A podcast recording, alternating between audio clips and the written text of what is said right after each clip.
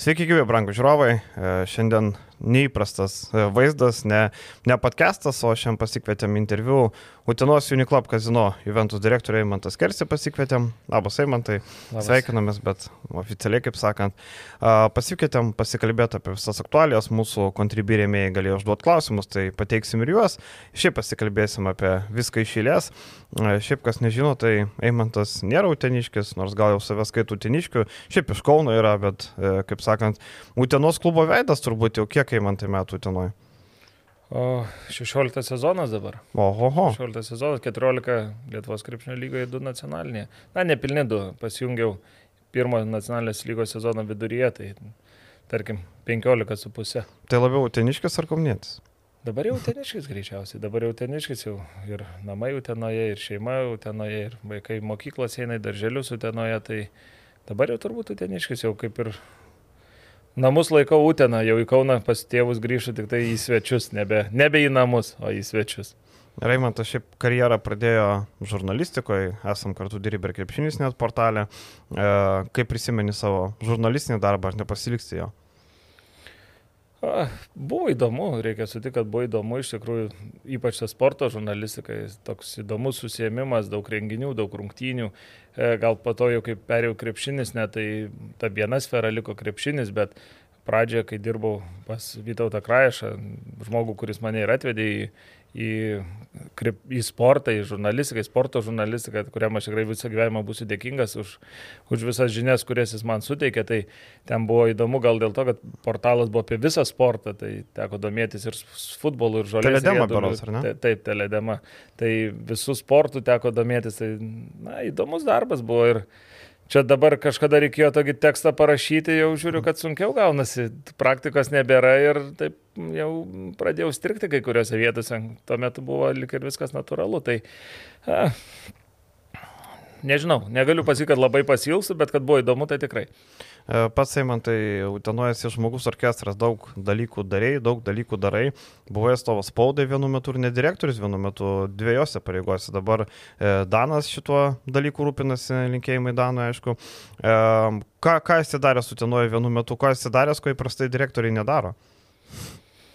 Na, daug ką daręs, tai viską, ką reikia, tai ir darom. Žinot, pas mus tam klube žmonių nėra daug, jų nebuvo daug ir nėra ir dabar daug. E, tenka tas darbus skirstytis, tas pareigybės, kur galbūt e, kituose didžiuosiuose klubuose nudirba nemaža dalis žmonių, tam tikri skirtingi žmonės, pas mus viskas yra viena vieta. Tai tiek aš, tiek Židrūnas, tiek e, dabar Danas, visi stengiamės tos darbus pasidalinti, tai daug esu daręs ir po šią dieną tos plakatus po miestą važiuoju, klyjuoju Juventus rungtynių ir, ir tos pačius rankšluošius, kaip skalbėm namuose, taip skalbėm, viską darom tą patį. Nieko ten nesikeitė, viskas vyksta, reikia ir maistą suvežti prieš rungtynės į VIP svečiams. O maistas geras VIP pas jūs? Stengiamės, čia jau Abuvą reikia pagirti kavinę Abuvą, tai kuri rūpinasi iš to dalykų. Tai viską darom, viską stengiamės daryti taip, kad būtų tiek žaidėjim, tiek visiems kitiem klubo nariam komfortabilu dirbti, gyventi Utenoje, tai stengiamės daryti kiekvieną darbą. O kalbant apie struktūrą klubo, tarkim, mes matom, kad LKL, nu, ne mes, mes kalbam apie tai, kad gal reikėtų daugiau žmonių turėti klubom. Tarkim, jūs neturit komandos vadovo, tarkim, daug komandų turi vadovą. Kodėl, pavyzdžiui, pas jūs nėra šitos pareigybės? Pas mus daug pareigybių nėra, pas mus reikėtų daug pareigybių išplėsti. Tikrųjų, Marketingo, pavyzdžiui, vadovo, taip, ne? Būtent apie tą ir noriu pasakyti, ypač gal, žinot, komandos vadovas, tai čia toks, na, ten techniniai dalykai, kuriuos galima... Prabangos prekė gal? Kaip? Propagos prekė. Taip, būtent galima vadovas. pasakyti ir taip, kad tai dalykas, kurį tikrai gali sutvarkyti tiek direktorius, tiek sporto direktorius. Aš manau, kad čia, žinot, kitos komandos, tarkim, neturi sporto direktorių, jos mhm. turi komandos vadovus, bet neturi sporto direktorių. Tai čia toks, sakyčiau, gal nėra labai kažkoks išskirtinis dalykas, bet marketingo žmogaus tai tikrai man labai trūksta komanda ir aš jau daug metų keliu šitą klausimą, kad mums tikrai reikia turėti, nes uh, Fiziškai darbą padaryti gali ir mažiau žmonių, čia nėra problema, žinote, nuvažiuoti, paimti, padaryti, nuvežti, bet esmė vis tiek yra mintis, vis tiek yra idėjas ir aš visada sakau tiek Danui, pavyzdžiui, kai mes kalbam, nes turbūt vienintelis žmogus, su kuriuo aš galiu diskutuoti marketingo klausimais, klube tai yra atstovas spaudai, tai aš visada sakau, kad man reikia idėjų, man reikia minčių, ką mes galim padaryti geriau, ką mes galim padaryti kitaip. Ir, pažiūrėjau, labai džiaugiuosi Dano mintim su žalgių rungtynėse, kai mes paskyrėm vasario 16, tą tikrai labai aprangos buvo. Taip, ir aprangos, ir visas renginys, aišku, ten kai kas jį biškai pagadino mum, bet nieko tokio visas tas renginys, tai va tos mintis, tos idėjos ir marketingo žmogus, aš įsivaizduoju, jisai atneštų tas mintis ir tas idėjas, ko mums labiausiai reikia, nes kartais, na, sakau, būtent tos geros minties, geros idėjos ir trūksta. Tai aš tikiuosi labai, kad, na, jeigu mes patys, nes, nes nepa, mums patiems nepavyks į savo struktūrą integruoti to marketingo žmogaus kažkaip, tai galbūt kažkada lyga priims nutarimą, kad klubai privalo turėti tam tikrus žmonės ir kad tie žmonės negalėtų užimti kelių pareigų vienu metu, kaip yra dabar ir ne tik pas mus, bet ir daugumoje kitų klubų. O kodėl jūs neturite? Ar tai finansai, ar tai, ar tiesiog Utenoje nėra tokių žmonių? Na, manau, kad kaip Antanas Reikas sako, Lazda turi du galus. Faktas, kad ir, ir, ir finansai turi įtakos, nes mūsų biudžetas yra suspaustas ir mes tikrai neturim tos prabangos uh, kažką kažkur tai papildomai daryti. Bet kitas dalykas galbūt ir, ir, ir žmogaus, žmogaus problema. Vėlgi, aš manau, kad tikrai, na, aš negaliu sakyti, kad nėra utenoje žmonių, nenoriu dabar pasakyti, kad tikrai nėra. Gal po podcast'o pasisiūlys gal? Gal, gal pasisiūlys, taip, kodėlgi ne, bet, bet jeigu reikėtų vežti žmogų, ieškoti iš kažkur, tai vėl apgyvenimas, atlyginimas, žinot, nevažiuos žmogus ten dirbti už kelius šimtus, jau tam turėsi siūlyti atlyginimą, tai Yra, yra tie niuansai, jie susideda, vienas su kitu susideda ir gaunasi, kad to žmogaus mes neturim. Ne, nes pagalvoju, jeigu atsiveši specialistą iš Kauno Vilniaus, tau reikės jam ir nuomą, arba mokėti, arba jis pats turės susimokėti. Čia vėlgi mažiausiai kokie 400 eurų už nuomą, atlyginimas, viskas susideda. Jūs turėjote tokią bendradarbiavimą su Justino Liaudinsko agentūra. Kodėl e, nepavyko ilgiau darbuotis, e, kur buvo problema? Manau, kad abi pusės e, nesurado e, tam tikro bendro rezultato, bendro norimo rezultato. Va čia buvo, tai buvo seniai, aišku, jau prieš keletą metų. Ir aš labai atsimenu tą gerą situaciją, kai jisai parašė vieną tekstą, berots kitam portale, ne pas jūs, ne krepšinis uh mhm. -huh. net, ir buvo ten pasakyta, kad na, Utena nieko nedaro. Utena buvo paimta kaip pavyzdys, kad Utena nedaro nieko ir aš jam paskambinau, sakau, tu, tu turi jauną organizaciją, tau reikia reklamos, man reikia darbo. Tai sakau, davai padarom darbą bendrą. Mhm. Bet e, aš nesakau, kad buvo blogų idėjų, tai tikrai buvo pateikta gerų idėjų, bet e, vėlgi gal sunku Justinui toje vietoje buvo ir jo komandai, kad e, Utenos rinka yra šiek tiek specifinė.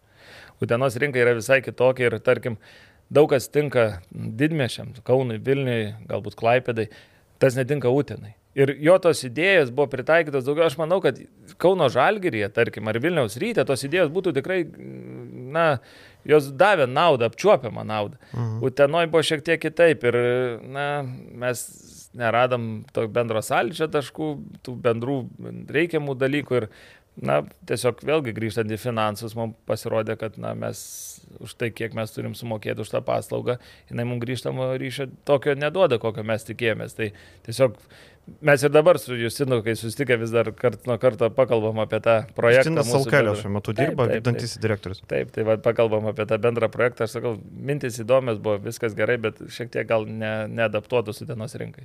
O kuo ta Utena specifinė, sakai, specifinė nuo Kauno, e, pat gyvenai Kaune, gali aiškiai palyginti? Na, aš kai gyvenau Kaune, žinau, dar gal nebuvau tuo metu įsiliejęs į tą visą marketingo sistemą taip gerai, į visą tą klubo valdymą. Bet, e, na, nežinau, žmonių mentalitetas galbūt šiek tiek kitoks, jie, jie gal uždaresni, galbūt e, labiau, e, kaip čia pasakyti, labiau skeptiškiau žiūri tam tikras naujoves, skeptiškiau žiūri tam tikrus dalykus. Atsargiau turbūt. Ne? Atsargiau, gal taip, gal atsargiau, skeptiškiau, atsargiau, čia mhm. panašu labai. Tai va, užtat tai, ką, ką jiem pateikė kaip naują produktą, kažkokį kažką atrodo, kur tikrai turėtų būti įdomu, jie taip pažiūrė atsargiai, sako, ai gal čia vis tiek darom paprasčiau ir taip toliau. Tai va tie dalykai, na, reikia, jos, jos reikia, kaip sakant, įpratinti tam dalykui. Ne, ne, nesigauna tenoj viskas taip greitai, kaip gal, galbūt norėtųsi ir kaip galbūt gautųsi kokiam nors dideliam mieste, tarkim, Kaune tam pačiam. Na, Kaunas gal vėl, mes įmam Kauną, bet Kaunas yra visiškai skirtingas. Žalgeris yra visai mhm. kitas lygis, visai kitas krepšelis ir visai kitas žmonių suvokimas į komanda, nei yra visose likusiuose miestuose Lietuvoje. O tarkim, LKL, matom, turi LKL akademiją, siunčia jaunuolius, ar priema tos jaunuolius, ar padeda jie, ar kokia situacija yra? Nes tarkim, ir su marketingu kažkiek padeda, ir, ir su žiniasklaida, kur tik tai reikia. Šitą vietą galbūt mums reikėtų daugiau padirbėti. Buvo atvažiavę keletą kartų pas mus tie jaunuoliai, bet aišku, vėl galbūt problema ta, aš nežinau, ar yra jaunuolių iš Utenos, suprantat, ne, nežinau, niekada kažkaip niekas į mane nesikreipė, kad, kad e, turi Utenoj kažkokią akademijos dalyvį, kuris norėtų Utenoj padirbėti klube. Mm, iš Vilniaus važinėti turbūt niekas neprivažinėja, taip pat važiuoja kam tam tikras rungtynės, buvo atvažiavę, pasižiūrėjo, kaip viskas vyksta, kaip, kaip ką, bet kažkokio va to tokio labai užsikabinančio dalyko tiek iš jų pusės, tiek iš mūsų pusės nebuvo. Tai galbūt va, mintis nėra bloga, galbūt ir reikėtų daugiau su LKL akademijoje padirbėti. O LKL pats skatina, kad sako jum pirštų vaimantą, jūs neturit marketingo žmogaus, samdykit. Ar nėra iš LKL tokio dalyko? Na, tokio dalyko nelabai yra, galbūt jie viduje kažkur ir pakalba, pasinagrinėja patys tarpusavį klubų struktūrą, bet kažko nėra, bet aš pats esu ne vieną kartą sakęs, kad uh, aš skatinčiau ir, pažiūrėjau, aš būčiau tikrai už, kad LKL įvestų algų ribojimą klubo biudžetams. Na, kad tarkim, nedaugiau ten 65 procentai klubo biudžeto būtų skirta algoms. Visa kita palikta klubo išlaikymui, klubo reiks. Jaunimo sistemai. Galbūt ir jaunimo mhm. sistemai vėl. Kas turi ją? Kas ją turi. Na, ne, nebūna, bet aš sakau, kad grinai konkrečiai algoms, tarkim, žaidėjų algoms, nes vis tiek, na, reikia pripažinti, kad didžiąją dalį biudžetų suryja žaidėjų algos. Tiek pas mus, ypač mažesniuose, didesni, galbūt klubai gali savo kažką leis varijuoti, mažesni, tai iš vis ne, jie stengiasi pasivyti tos didesnius, jeigu mes keliam, tarkim, kaip mes su dienoje keliam ambicingus tikslus, mes automatiškai dedam visus pinigus į, į, žaidėjų algas. Ir tam visam likusiam dalykui lieka labai nedaug. Ir kai lieka labai nedaug, tada yra labai sunku ir struktūrą turėti, ir viską. Nes vis tu turi turėti mediciną, tu turėti turėt tą, tą aprangas, apgyvendinimą. Na, visi tie dalykai, kurie yra visur ir kurie yra tie patys. Mhm. Tai jeigu lyga įvestų tą ribojimą, Aš manau, kad jeigu aš neklysiu, Eurolygoje šitas uh mhm. -huh. dalykas yra taip.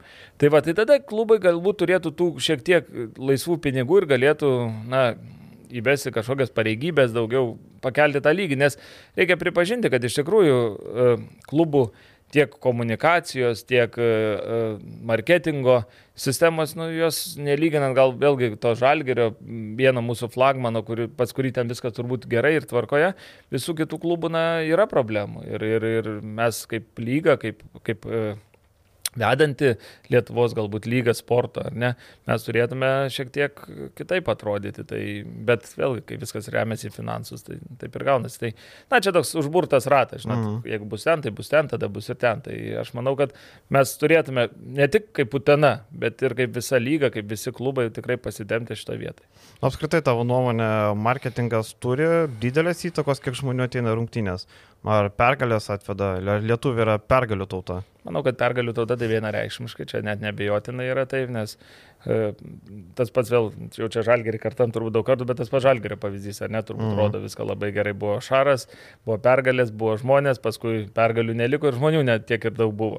Čia, žinot, aš e, kažkada kalbėjau po vieno tokio seminaro Buvome Kaune, LKL organizavo seminarai, ten buvo Žalgerio, dabar man atrodo ne, nebėra tas merginos, jinai buvo berots, irgi komunikacijos. Akvilė Dagalytė, ar ne? E, berots, ar uh mhm. -huh. galbūt. Ir buvo kalba, kad e, va, Žalgeris daro tą, tą, tą ir jie ten surenka soldautą į Eurolygos rungtynę. Žinot, aš to neimčiau kaip pavyzdžių. Kai pas mus jau ten atvažiuoja Žalgeris, mes irgi turim soldautą. Taip. Bet kai pa Žalgerį atvažiuoja Juventus, mes turim kiek kaunė žmonių? Tūkstantį pusantro tūkstančio. Kiek arenai? Na, tarp... ne, nebuvo taip, matėm ten 2,5, 3, Na, bet, bet atsiminkim, čia... abonementų daug parduota. Tai, tai... tai va, tai suprantate, tai va čia yra lygiai tas pats, suprantate, pas juos dirba visas marketingo sektorius, viskas, bet jie vis tiek į paprastesnės rungtynės neparduoda pilnos salės, 15 tūkstančių nėra, kad būtų užpilta visada. Lygiai tas pats ir pas mūsų tenoj. Atvažiuoja žalgeris, mes irgi šiemet pardame ir stomus bilietus pradėjom prekiauti žalgą rungtynę. Bet kai atvažiuoja kitos komandos, kurios yra pačioj, jau mums yra sunkiau. Pavyzdžiui, tai... į prienų rungtynę sudėtinga prisivilioti žmonės. Taip, tai va būtent, tai, tai va tas marketingas, kiek jisai veikia, sunku pasakyti, žalgeris turi labai gerą marketingą, bet jisai neprivilioja žmonių į tas visas žemesnio lygio rungtynės. Tai pergalės vienareikšmiškai, bet marketingas, na, jisai turi kažkiek reikšmės, aišku, turi. Ir mes, tarkim, turim tikrai idėjų daug utenoje, ką mes galėtume padaryti, net ir neturėtume marketingo vadovo, bet mūsų apriboja, tarkim, arena. Mhm. Mūsų apriboja arena, kad mes nelabai turim ką pasiūlyti žmonėms. Nes dabar jau žmonės, aš tikrai pritariu tai minčiai, ir čia tų didžiųjų klubų vadovų, komunikacijos vadovų sakyti minčiai, kad dabar jau žmonės nori ne nusipirkti kuo pigiau, bet nori nusipirkti kuo įdomiau, kad gauti kažką. E, kad gautų kažką, tarkim, įvairesnio, to, ko neturi kitas.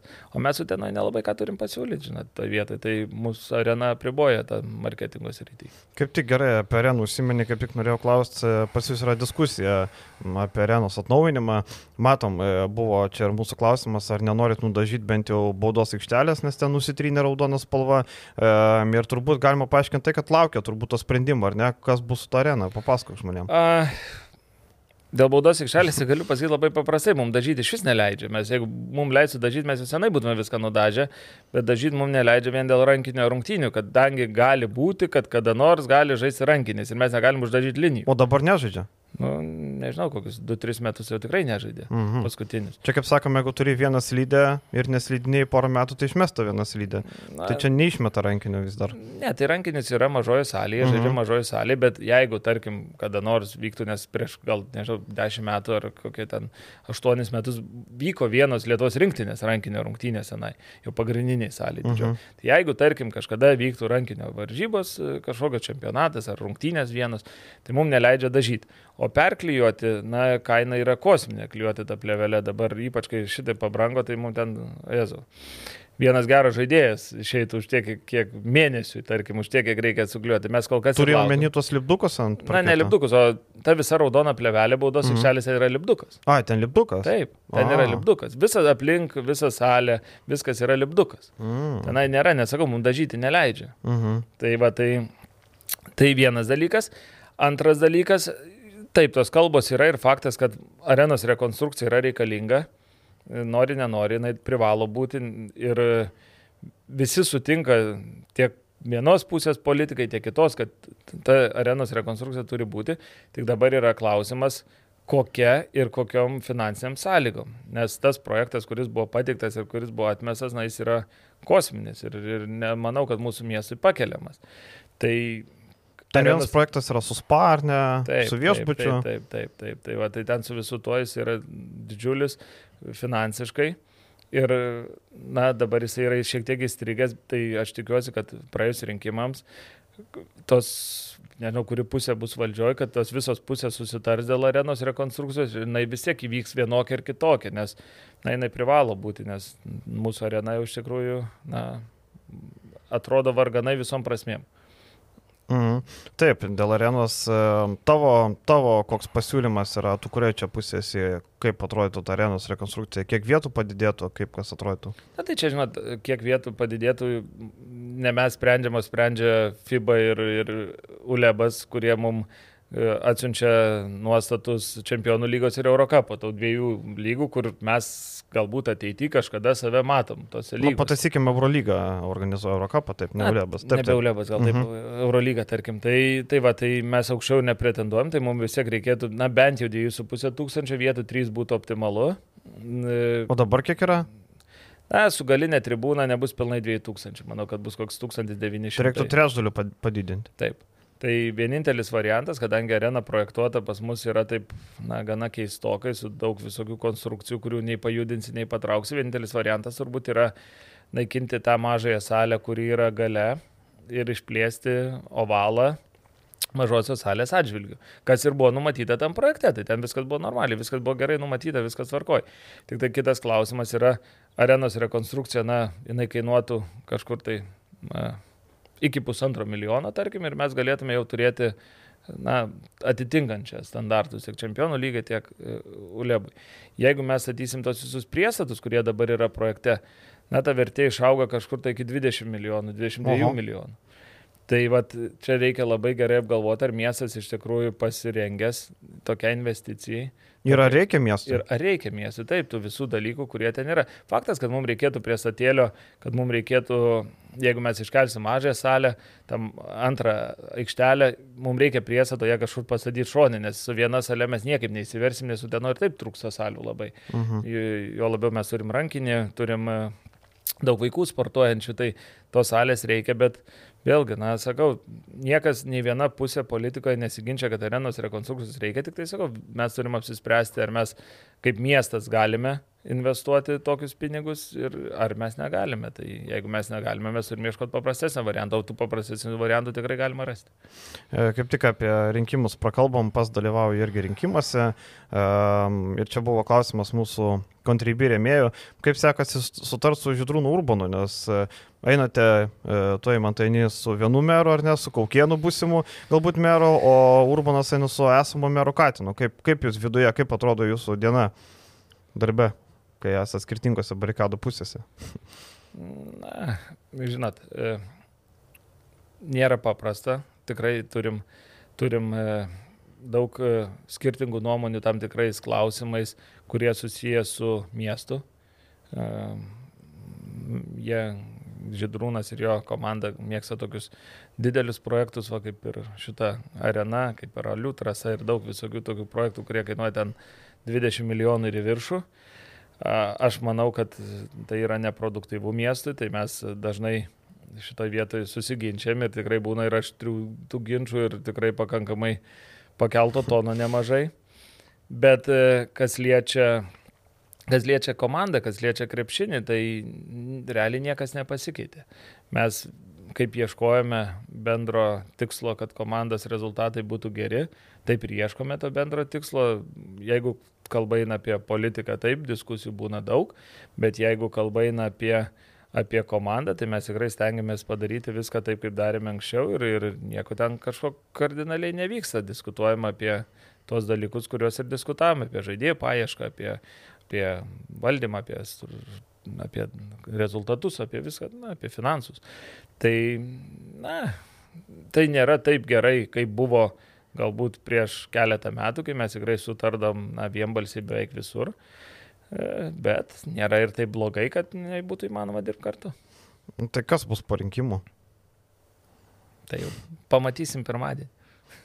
Nu, tai dar antras turas, žinai, dar irgi. Ja, taip, faktas, bet vis tiek, na, tarybos rinkimai turbūt nebus antro turo, ten mero rinkimai greičiausiai bus antram turė, tai pamatysim, nežinau, kas bus. Matysim, kaip, aišku, turbūt e, faktas vienas, kad e, nežinia, kuri pusė laimės, kuri nelaimės, bet faktas vienas, kad turbūt turėsim atsisėsti prie stalo ir e, kabinete ir, ir, ir nuspręsti, kaip mes dirbam toliau. O kaip rėmėjai ir dalininkai žiūri tai, kad klube du svarbiausi žmonės eina į skirtingas pusės, kaip sakant, politinės? Nebuvo nerimo, kad čia įsitraskysit. Ne, aš prieš priimdama savo sprendimą, aš nuvažiavau pas valdybos pirmininką, man buvo svarbi jo nuomonė. Uh mhm. -huh. Aš nuvažiavau, sakau, aš turiu tokių minčių, aš noriu priimti tokį sprendimą, aš galvoju apie tokį sprendimą. O sakau, man labai svarbi jūsų nuomonė, ką jūs manote. Jeigu jūs sakysit, kad ne, kad palikim viską taip, kaip yra, tai aš sakau, tada tikrai nedarysiu tų sprendimų, nes aš nenoriu pakengti klubui. Mhm. Tai jisai man pritarė, jisai sakė, kad tikrai gera mintis, jokių problemų, viskas tvarko ir po to aš apsisprendžiau. Tai man valdybos pirmininko nuomonė buvo labai svarbi, o visa kita struktūra, tiek dalininkai, tiek valdyba, na, pas mus jinai tokia, na, jinai yra, bet jos kaip ir nėra, žinote, jie kaip ir yra paskirti tie atstovai, bet jie tai ateina, tai neteina, tai sako, tai nesako kažką, tai, na, tenai iš tos pusės kažkaip didelios įtakos nelabai ir buvo. E, Arvis sako, nežinau, turbūt gerai įsigilinęs, jei išrinktų kokią merų, ar krepšinis nukentėtų dėl didesnės paramos futbolui. Ar čia kokienas labai futbolą myli, ar kodėl čia toks? Ar čia spėjimas toks? Ne, ne, nemanau, tai kad kaip tik gal atvirkščiai. E, sakyčiau, kad gal kaip tik Marius yra toks krepšinio besidomintis žmogus visose rungtynėse, sėdintis bent jau didžioji daugumoje, uh -huh. kažkaip apie futbolą nežinau. Aš manau, kad tikrai nenukentėtų. E, jo labiau, kad mes, aišku, kad aš prieš priimdamas sprendimą, aišku, kad aš kalbėjausi apie tos dalykus, apie komandą, apie, apie perspektyvą, kokią matomą komandą, kaip toliau viskas atrodytų. Savai meškai, jeigu būtų žmogus pasakęs, kad ne, aš krepšinę nematau, tai aš aišku, kad nebūčiau ėjęs į tą pusę. Bet e, nebūčiau tikrai tik kenkęs klubui, bet mes kalbėjome apie krepšinį, pakalbėjome, kad viskas tos perspektyvos jos tik gerėjo, jo labiau, kad aš matau tikrai sričių, kur uh, meras galėtų labiau padėti komandai ten pokalbiuose tam tikruose savo autoritetu. Aš nesau, kad ten kažkokiu spaudimu ar kažkuo, tai gingdėvė, bet savo savo buvimu, labiau įsitraukimu į klubo veiklą. Tai aš kaip tik tikiuosi, kad jeigu valdžia pasikeisų tenoj, kad e, klubas tik tai kils į viršų šitą vietą. Daug dirbės su remėjais, e, ar įmanoma dar labiau padidinti biudžetą? Kiek jūs dabar čia turit? Milijoną turit? Na, manau, kad milijonas yra realus skaičius. Na, mes padidinom šiais metais, negali mhm. sakyti, mes kokį 10 procentų pridėjom iš rėmėjų, tai reikia jiems padėkoti, kad jie net ir tokiu sunkmečiu mums padidino paramą ten po 10-15 procentų. Tai aš manau, kad perspektyva įmanoma kažkiek, bet nelabai tikiu, kad kardinaliai galėtų būti kažkas, nebent vėlgi Kaip yra kalbama, kad galbūt ten atsirastų daugiau įmonių, galbūt tas pramonės parkas atsirastų pagaliau, kuris ten dešimt metų kūrėsi ir niekaip neįsikūrė dėl vienokio ir kitokio priežasčių. Tai jeigu atsirastų daugiau įmonių, daugiau verslo, padidinti tikrai įmanoma, bet na, nemanau, kad tai būtų ženkliai kardinalų skaičius, tol kol valančiūnas negrįš į Uteną. O einant pas remėjus, pas daug dirbi su remėjais, dar reikia eiti prašyti, na duokit, ar tiesiog jau dabar e, jūs tokią turit, kaip sakant, gerą reputaciją, kad e, noriai duoda ir per daug neprašant.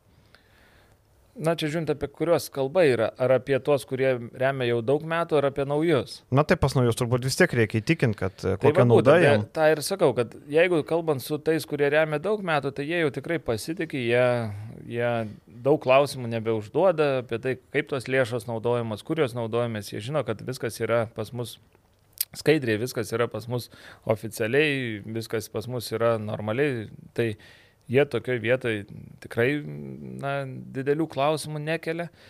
Na, su naujais reikia, aišku, padirbėti. Jeigu kas, kas liečia naujus rėmėjus, tai taip, reikia jiem parodyti, ką jie gaus, kodėl jiem reikia investuoti ar paremti sportą, kodėl kokio, kokios perspektyvos, kok, na, daug ten, ką jie gaus, ypač, nežinau, pas mus visi labai nori ant marškinėlių logotipo, mhm. aš nebežinau, reiks marškinėlius platesnius turbūt siūt ar kažką daryti, nes nebelabai turim vietos jau kur, nežinau, kodėl žmonėms mes jiems siūlom visokias kitokias pozicijas visur kitur, bet jie vis tiek būtinai nori ant marškinėlių turėti tą reklamą.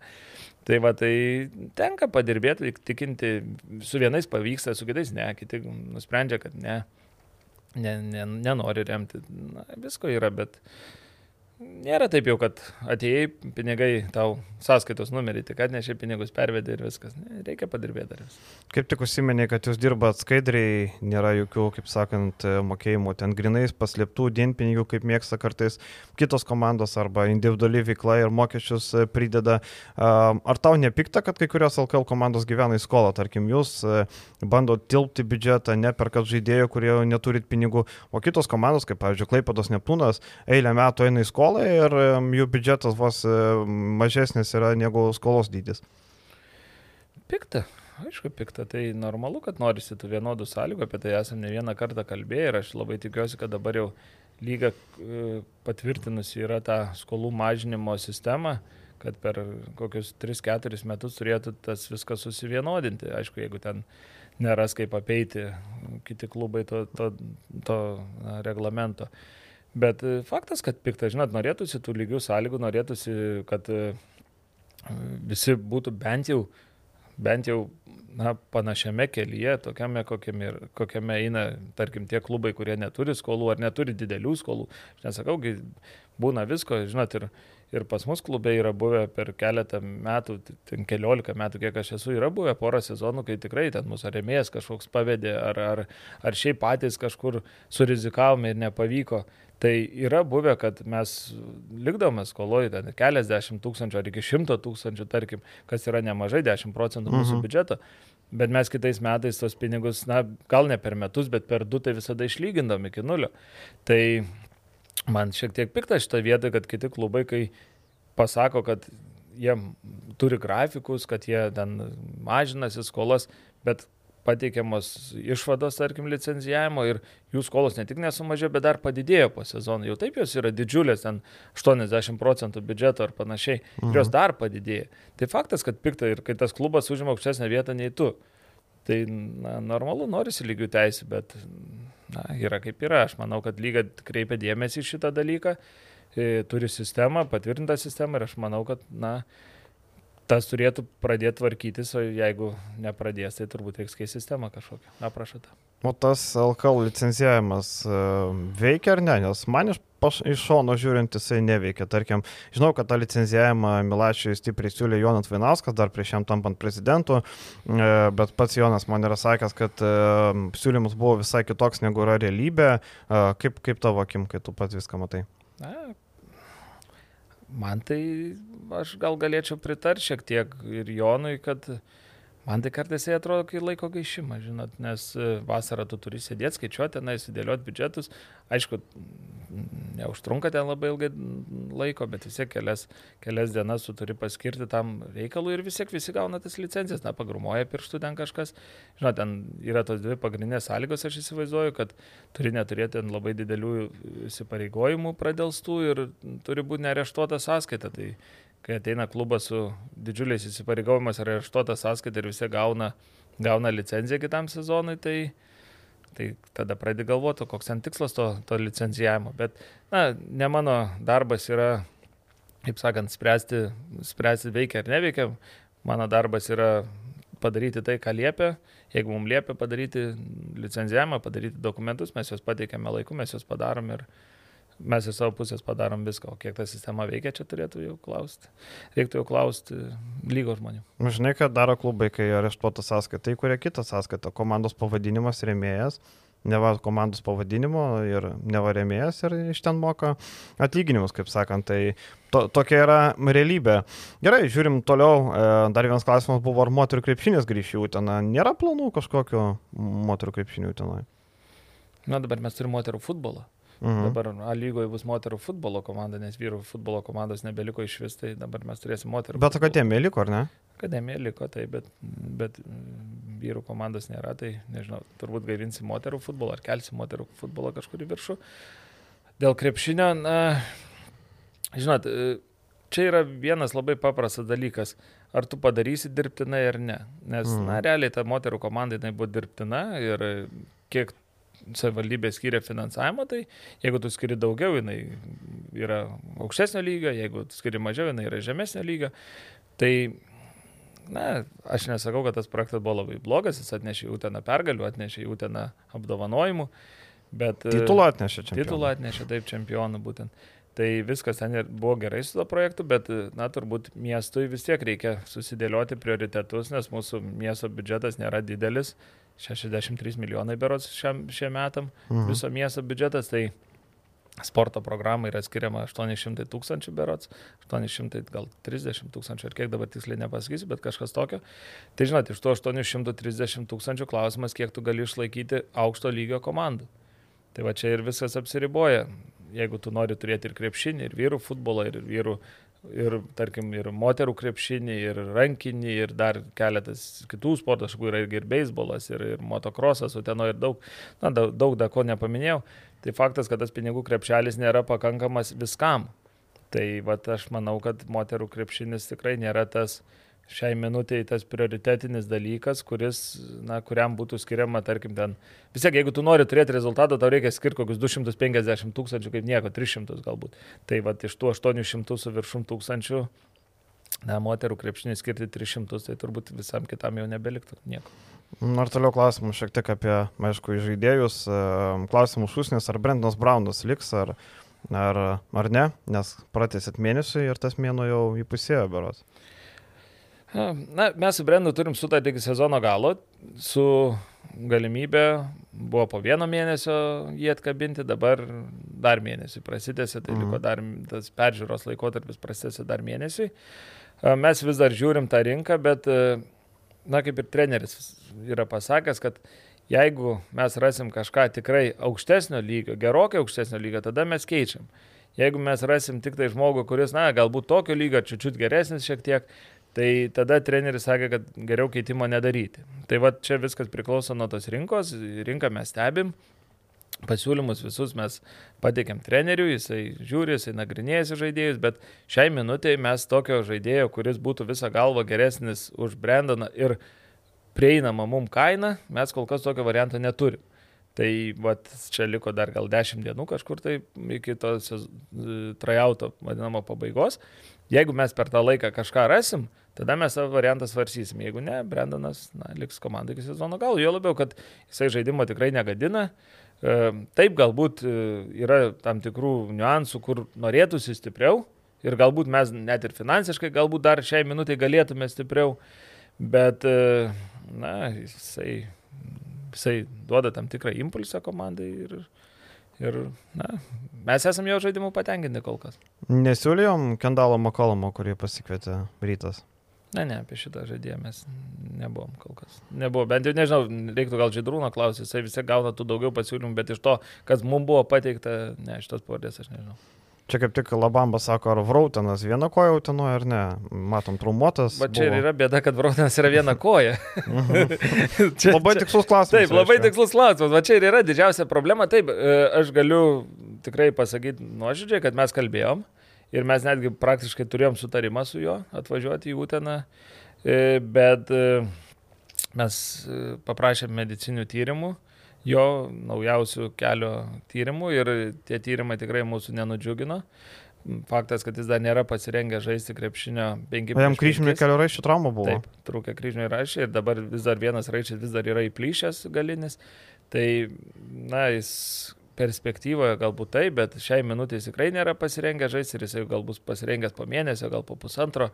Tai mes nenorėjom rizikuoti ir ne tai, kad net nenorėjom rizikuoti, bet mums nebuvo prasmės to žaidėjo vešis, nes na, tiesiog, o ką mes atsivešim, jis vis tiek žaisti negalės ir kokia mums nauda. Jo labiau, kad mes turime ir taip jau penkis legionierius, jis būtų šeštas, vadinasi, na, jis nebetelpa mum į limitą, mes turėtume kažko neregistruoti, jeigu norėtume įregistruoti, tai žaisti negali. Tai, na, žodžiu, Taip, žaidėjas tikrai stiprus, labai įdomus, jo labiau, kad Donaldas yra turėjęs tą žaidėją pas save, žino, ką gali, bet na, šiai minutiai, jeigu su Redži mes surizikam po traumos, tai su Rautenu nusprendėm, kad ta rizika yra per didelė. O jūs kairį vadino Donaldo ar Donaldu?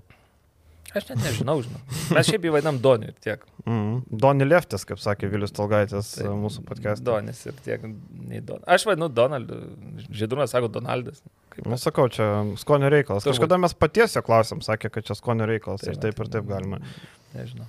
Žiūrint toliau, kaip tik užsiminėm apie traumuotų žaidėjus atvykusius, Redži Linčas, ar ne, irgi, sakai, rizikavot. Panašu, kad pasiteisino, panašu, kad gavo tokį žaidėją, kur, na, ištraukėt kaip, kaip triušis krybelės.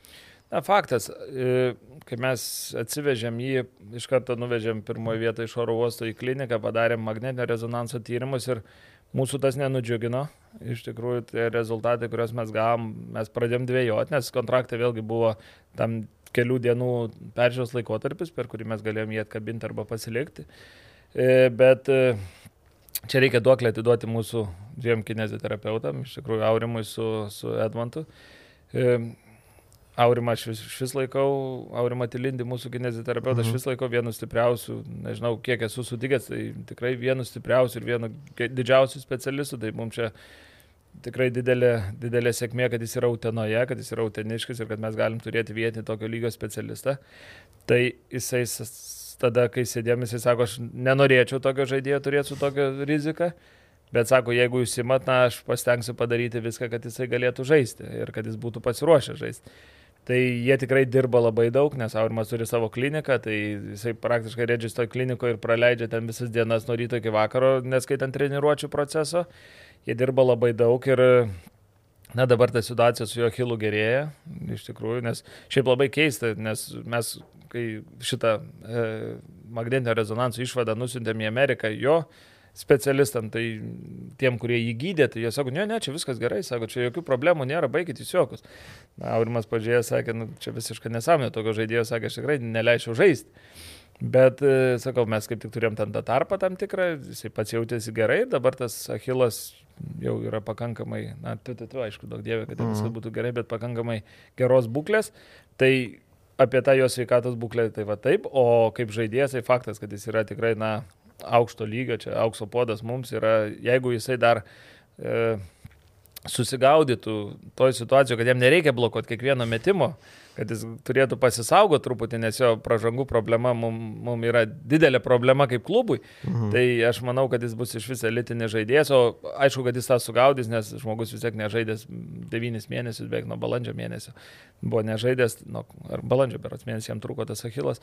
Tai va, tai jis tą tikrai sugaudys, bet tai yra, na, siena gynyboje ir kas nebūtų keista, dar ir tikrai didelė nauda polime, nes mes polime, na, jis niekada nebuvo tas polimo žaidėjas, mes tikėjomės, kad mums gynyba sustiprins, bet dabar jisai tikrai duoda ir polime mums didelį impulsą, tai tikrai, na, puikus žaidėjas, daug dievė, kad tik tai jam tas achilas būtų sveikas ir, na, po šito sezono, jam, aišku, mes jo tikrai neišlaikysim kitam sezonui, bet kad mes būtume tas tramplinas jam į, sugrįžti į tą aukštą į lygį, kuriomis nori būti. Bet tokia situacija turbūt pasitarnavo ir Donaldo Kairio, kaip sakant, ryšė, ar ne? Nes jeigu ne, ne kairys, turbūt nebūtų atsidūręs jūsų akiratį. Matot, mes, kai vasarą kalbėjome su Donaldu, kai tik pasirašėm sutartį, mes buvom Klaipėdai susitikę, aš Židrūnas ir Donaldas. Ir jis iškart pasakė, kad mes turim tokį žaidėją, na, Donaldas pasakė, ta prasme, mhm. kad yra toks žaidėjas po traumos ir kad mums reikia jį stebėti ir kad mes jį galbūt galėtume paimti. Donaldas jau norėjo iš karto įimti, bet, na, iš karto ten dar buvo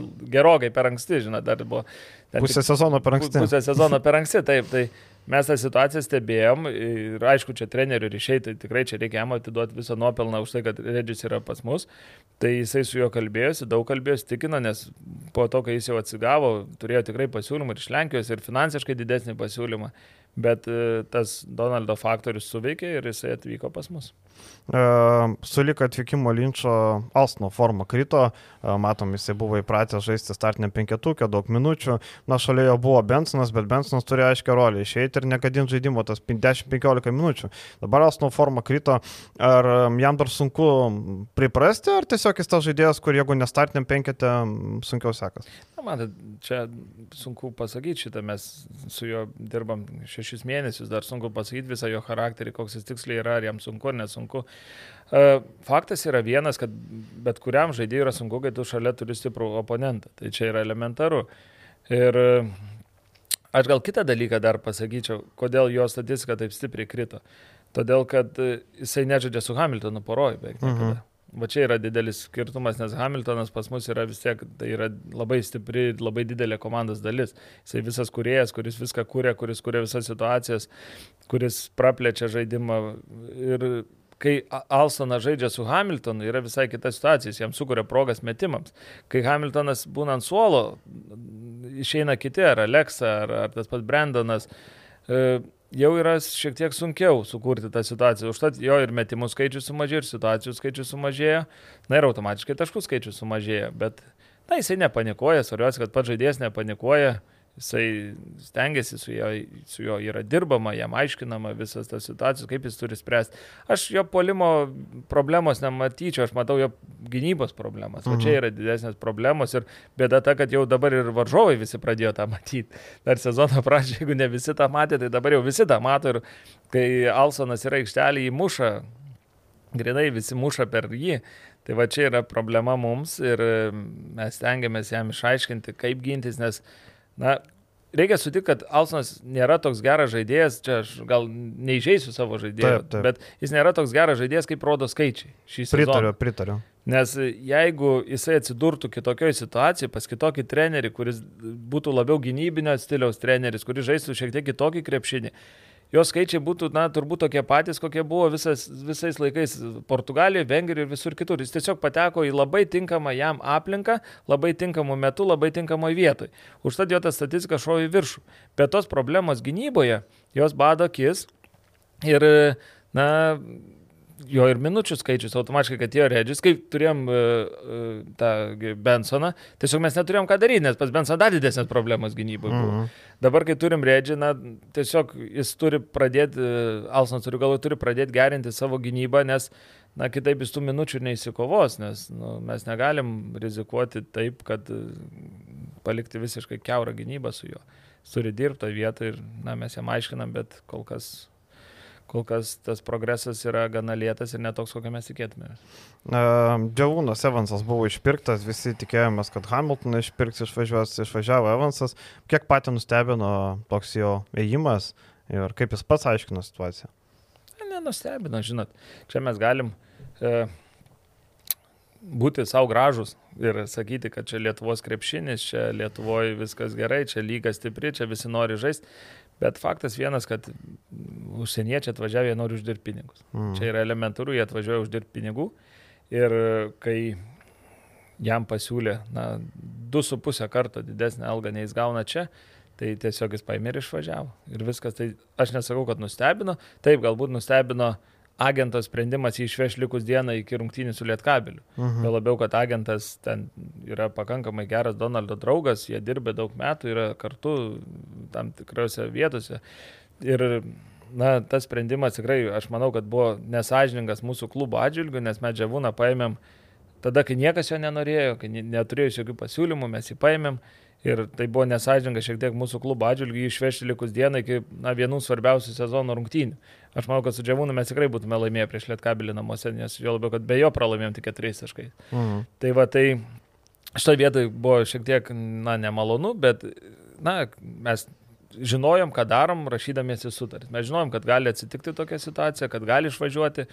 Ir taip slapta vylėmės, kad neišvažiuos, kad nebus nieko, bet, bet na, tu kažkur rizikuoji, kažkurioje vietoje tu turi rizikuoti, norėdamas prisitraukti tam tikrus žaidėjus už tam tikrą atlygį, kurį tu gali mokėti. Žinot, jeigu mes būtume jam davę ten tos 15 tūkstančių, tarkim, nebūtų jokių išpirkų buvę, bet mes neturime tiek pinigų, tai turime rizikuoti su tokia alga, kokią turim.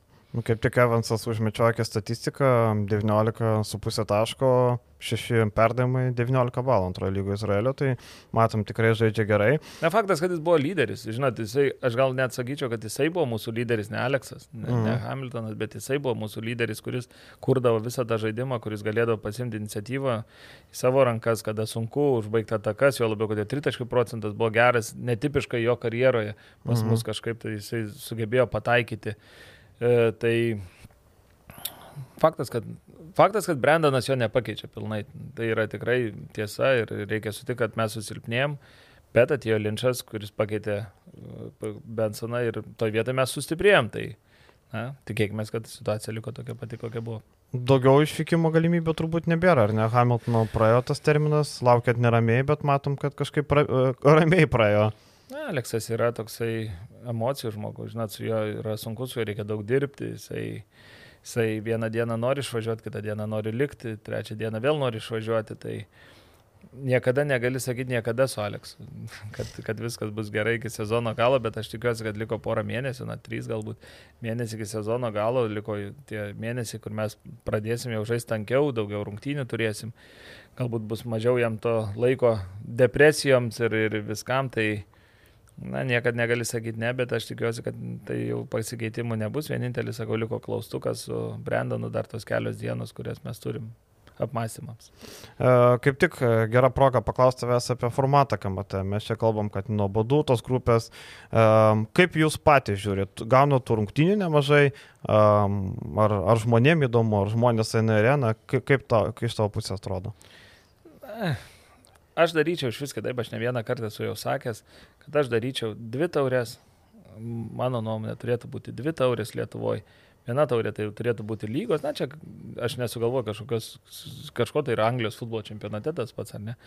Viena Karabao ir Anglijos taurė. Taip, viena taurė turėtų būti lygos taurė, tai mano nuomonė po pirmo rato, ne po praeito sezono, kad ten mes dabar žiūrim, kas praeitam sezone buvo kažkokioje vietoje, ten mes traukiam krepšelius kažkokius darom nesamoningus. Aš manau, kad po pirmo rato turėtų būti aštuonios stipriausios komandos sumestos į vieną krepšelį Įsitraukti burtus, nesvarbu. Na bent jau pirmas keturias vienam, antras Na, kitam, kaip Ispanijoje daro, taip, taip kad nebūtų Barsas su Realu ketvirtfinalį. Gerai, galiu sutikti su šito. Mm -hmm. Taip, tokiu atveju būtų ir lygos pirmas ratas svarbus, nebūtų taip, kad kai dabar kai kurios komandos ant vidury rato stiprinasi, po rato keičia, žmonės vėl priima, tai būtų pirmas ratas aktualus, nes tu arba patenki, arba ne, tai tu turi nuo pat pradžių sezono iš karto būti formai, rinkti taškus. Ir tada susitiktos aštuonios komandos, nežinau, galima ketvirtfinalius. Ir manau, kad lyga, kiek suprantu, eina link to, kad ketvirtfinalius atiduoti namų arenams, tarkim, ketvirtfinaliai būtų žaidžiami namų arenose, O pusfinalis ir finalai žaidžiami kažkur tai vienam tam turnyrė. Tai būtų viena taurė, kuri greitai įsisprendžia viskas, tarkim, ten per savaitę, kaip ir Ispanijos čempionate, mhm. ne? Kaip ir Ispanijos taurė, tas pats pavyksta. O kita taurė, aš galvoju, kad jinai turėtų būti ta federacijos taurė, visgi jinai turėtų atgimti, nes e, aš manau, kad Čia mes dabar pradedam diskutuoti, kad e, negali stipriausi klubai nuvažiuoti, neturi laiko, aš manau, kad tai yra visiška nesąmonė. Kažkodėl Ispanijai Barcelonos futbolo klubas gali nuvažiuoti sužaisti taurės rungtynę su trečios lygos komanda kažkur tai. Anglijoje Liverpoolis ar Man City gali nuvažiuoti, bet pas mus jau komandos negali nuvažiuoti sužaisti kažkur rungtynių. Aš manau, kad tai yra visiška nesąmonė, jo labiau, kad tu turi ypač tos didžiosios vedančios komandos Lietuvoje, turi tikrai ir dublerių komandas, turi daug žaidėjų, nereikia kitau viso dvyliktuko nusivežti. Nusivežk penkis pagrindinius žaidėjus, kitus paim dublerius ir tikrai ten turėtų užtekti laimėti prieš nacionalinę regionų lygos komandą.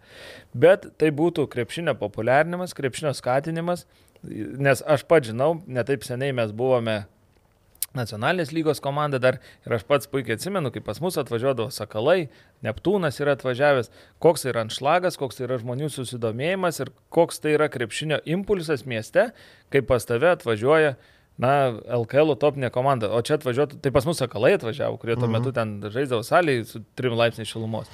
O, pa, o čia, taip.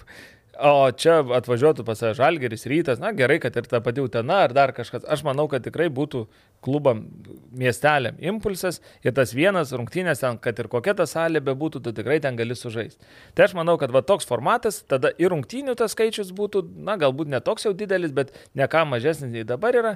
O dabar iš tikrųjų, na, tos grupės jos kaip ir svarbios, nes man, likom treti ir vos, ne, vos neiškritom kažkokiam ten etape, net nežinau, kuris ten etapas, kai su šaliai žaidėm. Mhm. Bet, e, bet e, jos realiai sutraukti žmonės į rungtynės, tai yra na, labai sudėtinga, ypač kai dar paskutinius porą metų kažkodėl, nežinau, sutapdavo tvarkarašiai taip, kad mes trečiadienį, tarkim, žaidžiam namuose taurę su šiauliais, o šeštadienį žaidžiam su šiauliais namuose LKL. Mhm. Na tai žinot, sukviesi per keturias dienas du kartus su ta pačia komanda į rungtynę žmonės, tai Nes mums buvo ir su Alytum tas pats gavęs čia praeitą sezoną, ir su Šiauliais tas pats, kad į savaitę du kartus žaidžiam su pačia komanda ir dar savo aikštelį. Tai va, tai, na, nežinau. Mums reikia rungtynių, faktas, kad mums reikia rungtynių, kad mums vien LKL neužtenka, bet ar tai yra geriausias formatas? Na, Nežinau. Čia buvo kalba, kad reikia televizinių rungtynių daugiau reikės parodyti, tai jeigu reikia lygai padėti, tai aš nieko prieš, tada mes žaidžiam tas rungtynės, kad padėti lygai, kad, kad tos rungtynės būtų ištransliuotos pagal sutartį, kad sutartys ne, ne, nesugriūtų. Tai jeigu tokiu atveju tai taip, bet jeigu naudos atžvilgiu, tai nėra daug. Kaip tik apie KMT prakalbom, Martinas Gacevičius interviu pas mus Gabrielė sakė, kad LKL net nenorėjo tritaškių konkursą. Kur čia buvo reikalas, kame čia esmė? Matote, yra, čia iš vienos pusės galiu suprasti LKL, iš kitos pusės pasakysiu, kodėl negaliu suprasti. Tai LKL, aš jeigu gerai atsimenu, yra įtraukęs punktą, kad į snaiperio konkursą klubas privalo skirti žmogų iš savo penketuko taikliausių žaidėjų sezone. Mhm. Getsas, jeigu neklysiu, dabar yra septintas pas mus klube pagal taiklumą tritaškių. -huh. Na, mhm. bent jau buvo iki nu, KMT. Uh mhm. Tai va, tai čia buvo šitas dalykas, jie to motivavo. Iš kitos pusės aš nesuprantu, kai tu siunti Getsą į tritaškių konkursą ir sako, kad tau nereikia jo lygą, kai sako, kad mums jo nereikia, tai man kyla klausimas lygos žmonių krepšinio suvokimo. Iš tikrųjų, nuoširdžiai kyla klausimas, nes jie sako, man siūskit Hamiltoną. Tai sakau, mes galime atsiųsti Hamiltoną, bet jis iki vidurio serijos nenueis su savo lietų metimu, jokio tikslo nėra. Uh mhm. -huh. Kas iš to, kad mes jį atsiųsim, jis nieko nepadarys. Tai tada atsiųskit Matulį, nu sakau, Matulis prieš tai metė su vaikais ant renginį, jų pačių tam renginį, nu ten surinko, nežinau, 10-12 taškų, sakau, nu kas iš to, kad mes atsiųsim. Taip, gintas gerai metą, bet nu jam Jis nėra to konkurso nuolatinis dalyvis, tam vis tiek reikia ir jaus ir viską. Tai mes šitą vietą na, atstovėjom, Aš tikrai pats galiu sakyti, kad atstovėjau šitą vietą, jeigu tas žodis toks galimas. Sakau, jeigu mes negetsą, tai mes nesinčiam nieko tada. Mm. Tada mes iš klubo nesinčiam vieno žmogaus ir jūs darykite, ką nori, imkite dar kažką ten iš kištų. Tai va, tai, na, mums pavyko, pavyzdžiui, šiauliai, žinau, tai pačioje situacijoje norėjau siūsti Eimantas Tankievičius, jam irgi buvo uždrausta. Tai... Ir čia kaip tik dar pick and roll laidoje Jonas Mačiulis sakė, kad jie norėjo Brelį Davisoną siūsti, bet lyga neleido, nes per mažai metų tai atsiuntė Lavrinovičių, tai man įdomu, lyga patenkinta, kaip Lavrinovičius pasirodė tai, tai aš, konkurse. Aš link to, ką ir norėjau pasakyti, gal pertrauką atsiprašau, kad, kad man stebina lygo žmonių krepšinio suvokimą šitoje vietoje mhm. ypač. Tai aš manau, kad jeigu tu nesupranti kažko, tai, tai geriau nesikišk iš vis ir leis klubam nuspręsti. Taigi, kiekvienas klubas nori laimėti turnyrą. Aš nemanau, kad nors vienas klubas siunčia žmogų, kuris žino, kad pralaimės ar užims paskutinį. Nu, pavyzdžiui, Lietkabras atsiuntė. Na, tai ten gal kitas, jau kiti niuansai, jie žaidė finale, ten, ne finale, bet tarkim, jie žaidė ketvirtį, tą norėjau pasakyti, Taip. finaliniame etape, tai jiems gal buvo kitaip. Bet, na, aš manau, kad šita situacija turėtų būti gera pamoka lygai, kad, kad lygos žmonėm, kad šitoje vietoje biški truputuką, kaip sakant, ne, ne, nesikištų ten, kur nereikia ir leistų klubam nuspręsti tos sprendimus, nes būtų buvę labai apmaudu, jeigu būtume vietoj Getso nusintę kokį nors na, mūsų mažiau metantį žaidėją ir jisai būtų ten likęs su šešiais ar aštuoniais taškais. Tai, o Getsas būtų tuo metu sėdės namuose. Tai, na, taip. Tai gerai, ne tik jum apmaudu, bet ir visiems matom, Getsas finale, koks geras finalas buvo su Kuksiku, tai čia visiems praradimas, ne tik jum, čia žiūrovam.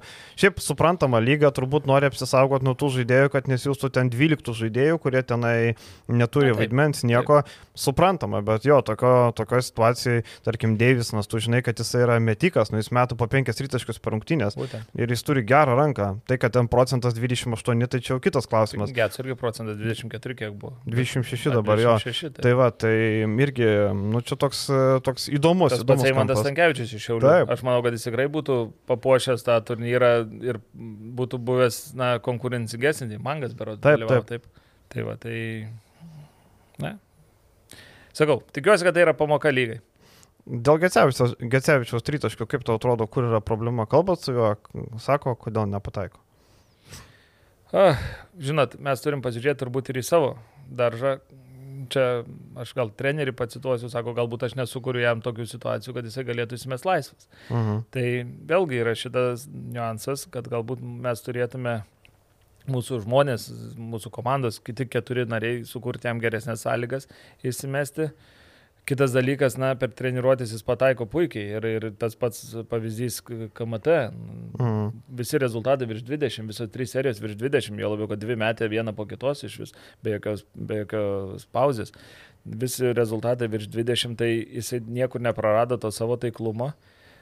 Mes vis tikimės, kad na, jau, jau kitose rungtynėse, jau kitose rungtynėse jisai pramuš, jis pats supranta tą, aišku, tas psichologinis dalykas vėl yra, tai reikia pripažinti, kad kiekvienas žaidėjas legia, ypač metika, kai tu nepataikai, tai automatiškai vienas rungtynės antras, tai taip tau galvoj dedasi tas dalykas, atsiranda kažkokia baime, bet e, aš manau, kad Getsas yra pakankamai patyręs, net nepakankamai, o labai patyręs žaidėjas, jis yra aukščiausios klasės žaidėjas ir aš tikiu, kad jisai kad jisai tikrai atėjus lemiamam rungtynėm, nes kaip aš visada sakau, gal čia nukrypsiu turbūt, aš visada sakau, lyderis yra ne tas, kuris kuris ten pataiko iš 10-9, o lyderis yra tas ir tikras tas vedlys yra tas, kuris pataiko tą 10, kurio reikia.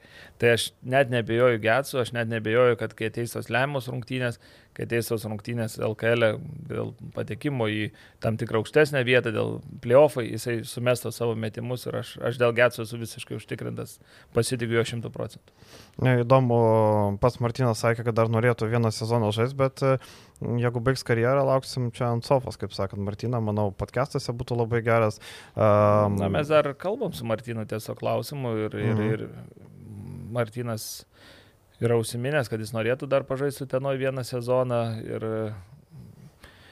aš tikrai nesakau ne mhm. ir, ir mes tikrai nesakom ne, aš manau, kad mes sėsim prie stalo ir dėrėsimės dėl naujo kontrakto su juo, su agentu, aš manau, kad nenoriu dabar sakyti, kad mes tikrai pratesim, bet, uh mhm. -huh. bet tikrai nenoriu pasakyti, kad mes tikrai nepratesim. Tai aš manau, kad mes sėsim prie, prie stalo, jau labiau, kad Martytas yra mūsų sembuvis, jis yra mūsų kapitonas komandos, tai jo nauda ne tik yra tritaškiuose, bet yra ir, ir rūbinėje, ir visur jis yra labai svarbus. Tai ypač kai Runkauskas išvažiavo, mes tą tikrą kapitoną praradom.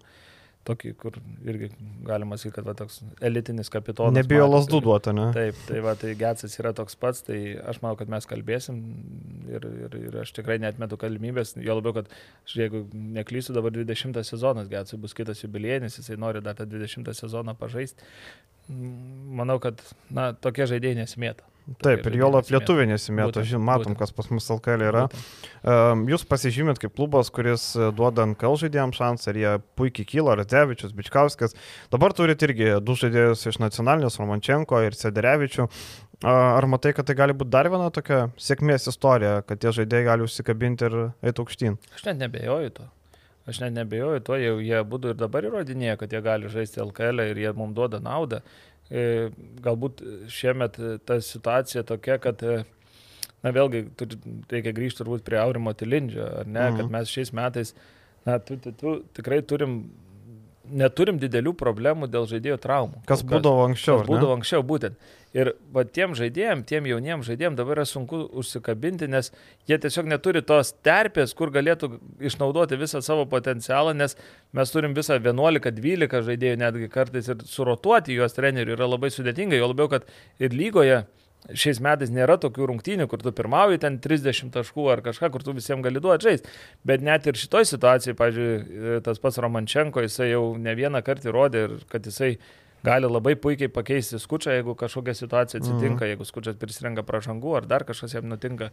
Tai puikiai gali pakeisti ir Klaipėdoje tos rungtynės tikrai buvo labai vienas geriausių jo, kiek, kiek jisai yra mūsų klube. Tai rodo, kad jisai deda žingsnį į priekį. Taip yra, kur tobulėti, reikia sutvirtėti, reikia kūną sutvirtinti, koją sutvirtinti. Čia tikrai yra daug, daug niuansų, po krepšių išmokti daugiau judesių.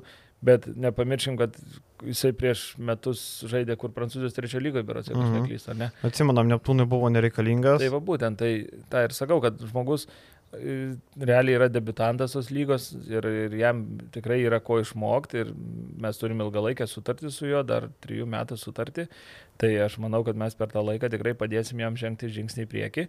Uh, Sederevičiaus situacija galbūt šiek tiek kitais, jau antri metai pas mus klube, bet vėlgi pernai tos nelabai buvo kur išnaudoti, nes reikia sutikti, kad Židrūnas ir Donaldas yra šiek tiek kitokio tipo treneriai. Mm. Židrūnas turėdavo savo dešimtuką ir jisai žaisdavo su tais pagrindiniais žaidėjais, bijodamas leisti gal, na, ne tai, kad bijodamas gal, bet neturėd, nerasdamas vietos tiem mhm. jaunesniem mm. žaidėjim. Nors ir tai negali sakyti, sezono pabaigoje, antroji pusė sezono tikrai nemažai žaidė Sederevičius pažydrūną tam tikrais epizodais, bet vėl ten traumas gal labiau privedė, kad mes neturėjom žaidėjų.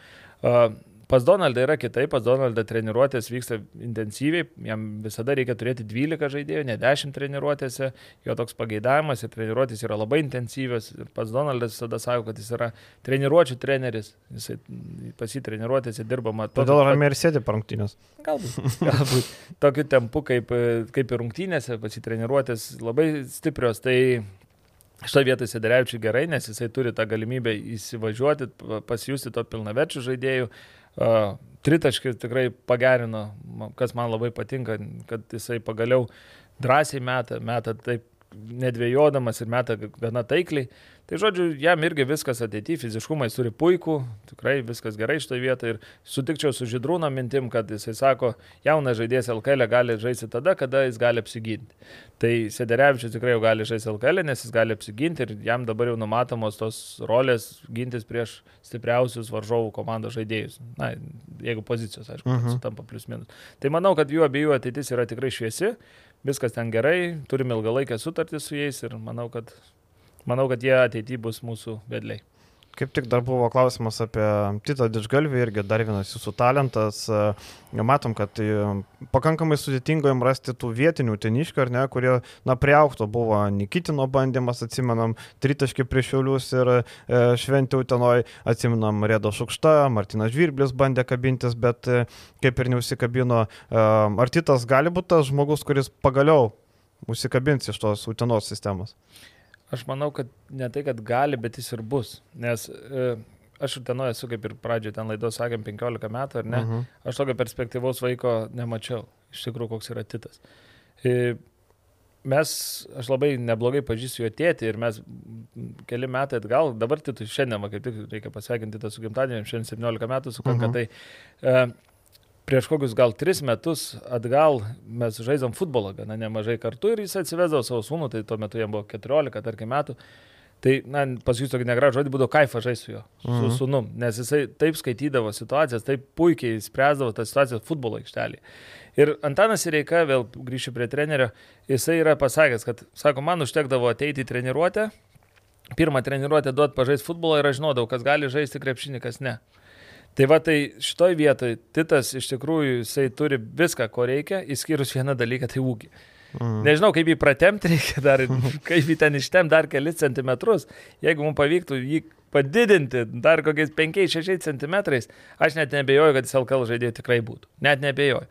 Nes krepšinio suvokimas, fizinės savybės greičio, viskas turi metimą, viskas yra gerai, jo labiau, kad mes tikrai neturėjom tokio žaidėjo, kuris moksleivių lygoje A divizione mestų po 40 taškų vidurkį beveik. Mhm. Tai viskas su juo gerai, tikrai aš manau, kad, aš manau, kad jis jau dabar LKL e keliom minutėm tikrai vaizdo negadintų. Uh, bet mes tiesiog jo negalim dabar leisti, nes jis žaidžia per dvi moksleivių lygos komandas ir regionų lygoje, mes negalim jo ketvirtojo lygoje, yra draudžiama keturios lygos registruoti vaiką, tai mes dabar kol kas jį esame išregistravę iš LKL vien tam, kad jis gautų to, daugiau žaidybinės praktikos savo amžiuje ir, ir, ir savo tose pirmenybėse, kurios jam svarbesnės, bet ateityje aš manau, kad jisai tikrai, na, jis, jis turi būti tas uteniškas, kuris duos tą impulsą visiems kitiems, kad e, galima uteniškai žaisti Juventus komandai.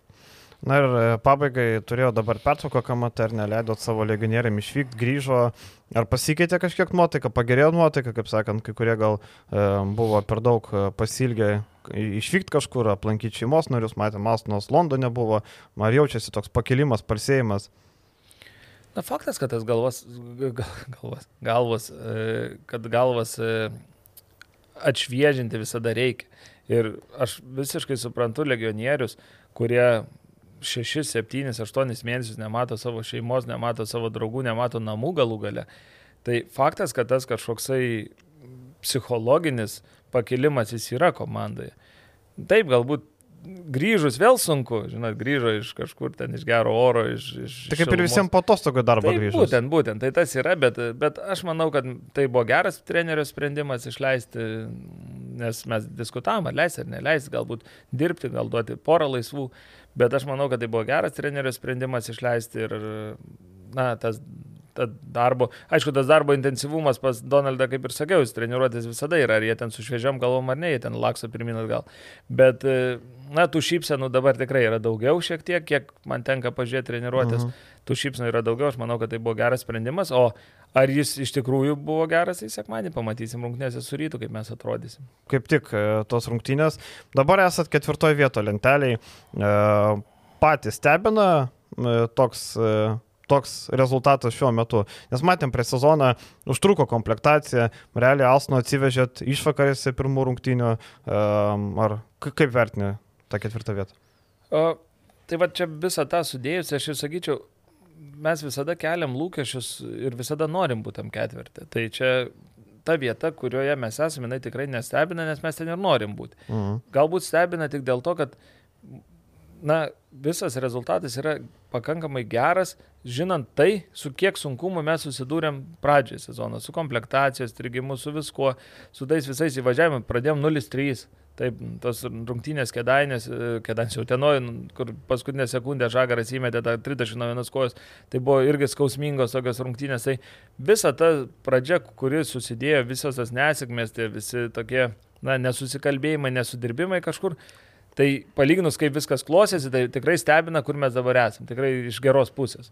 Jeigu dar būtume Klaipėdai nepralaimėję tų rungtynių, kur penkiom minutėm likus 16 taškų beros turėjom, e, tai aš manau, kad būtume dabar ant trečiojo vietoje ir būtų iš vis fantastinis rezultatas. Bet, na, yra kaip yra, dabar reikia išlaikyti ateityje viską, tą reikia, reikia, dar liko vienas ratas ir na, turim, turim išlaikyti žaidimo tempą. Kaip tik priminė rungtynės Klaipadoje, ten matėm teisėjai neužfiksavo žingsnių, vėliau neužfiksavo baudos. Um, gana patys aistringai tiek tu, tiek Židrūnas reaguoja į teisėjų sprendimus, matau e, visada tokių e, karštų emocijų. Um, šį sezoną matėm nemažai tų teisėjų diskvalifikacijų būna dėl tų klaidų. Uh, kaip, kaip, kaip atrodo viskas tavo akim? Ar uh, tiesiog teisėjai suklydo, ar čia kenčia kažkiek kokybė, nes neturim tų kelių topinių teisėjų, kurie nedirba šį sezoną. Faktas, aišku, kad tai kenčia. Savai aišku, kad vedantys teisėjai iškrito keli, tai aišku, kad tai atsiliepia rezultatams ir atsiliepia, atsiliepia uh, klaidų kiekiui. Bet aš, jeigu atkreipsiu dėmesį po klaipėdas rungtynio, aš nebuvau visiškai piktas labai jau, kad, kad mm. ten jau draskytis. Aš nieko, nieko niekam nesakiau, nes tai yra neteisėjo problema. Mes patys uh,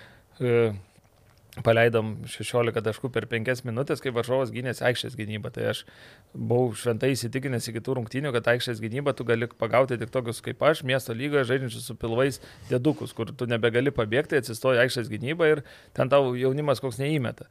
Pasirodo, mes ir aukščiausiame lygyje galime 40 minučių stovėdami aikštės gynybą, kuri nu, neįžeisiu Neptūno tikrai nebuvo stebuklinga ir išskirtinė. Taip, taip. E, stovint 40, ne 40, bet 10 paskutinių taip. minučių, gal ne taip paskui 10 paskutinių minučių stovint aikštę, pagauti ir komandą, kuri save na, kotiruoja top 4 lygoje. Tai čia yra mūsų pačių aplaidumas ir tos teisėjų klaidos jos, na, taip, suklydo, ten turėjo žingsniai būti, jeigu žingsniai turėjo būti, ta bauda tada nieko nebelėmė, jeigu žingsnių nešilpė, tai tada ta bauda gal kažkiek būtų esmės pakeitus, bet aš šitą vietą nematau problemos. Klysta teisėjai, bet klysta ir žaidėjai, viskas ten su jais yra gerai. Manau, kad visi stengiasi, niekas nedaro specialiai klaidų. Na, bet kad trūksta vedančių tų pagrindinių topinių teisėjų, kurie šiemet kurie šiemet iškrito, vien Mačiulaitis ir, ir Tomas Jasevičius, bet mm. šitie du teisėjai iškrito, tai jie buvo vis tiek turbūt iš kokio penketo šešeto top mm. teisėjai, tai tie du teisėjai iškrito, tai aišku, kad mums jų trūksta.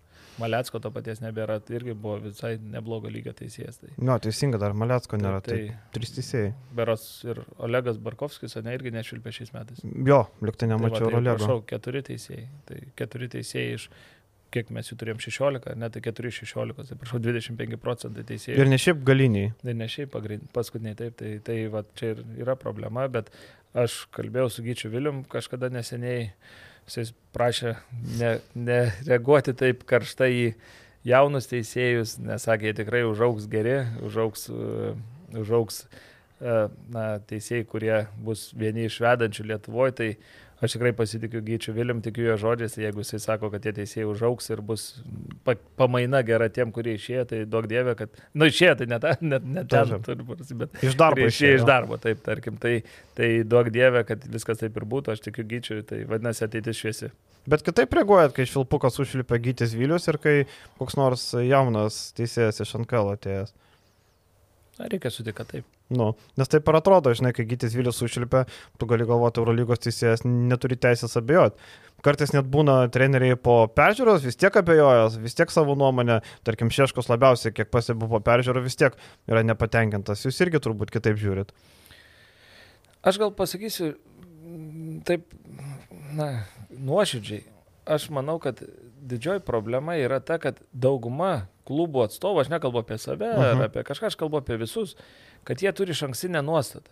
Uh mhm. -huh. Ant tam tikro teisėjo, ant tam tikrų gal kelių teisėjų, visi klubai turi nepatinkančius teisėjus. Ir jeigu jis atvažiuoja į rungtynę švilptų, net pasižiūrėjęs iš anksto e, sąrašą, kas švilps e, LKL puslapyje, tu iškart įsidarai tokią nuostatą, kad, ai, vėl čia bus nesąmonė ir taip toliau. Ir tas, ta reakcija tave iššaukia dar iš, iš anksčiau.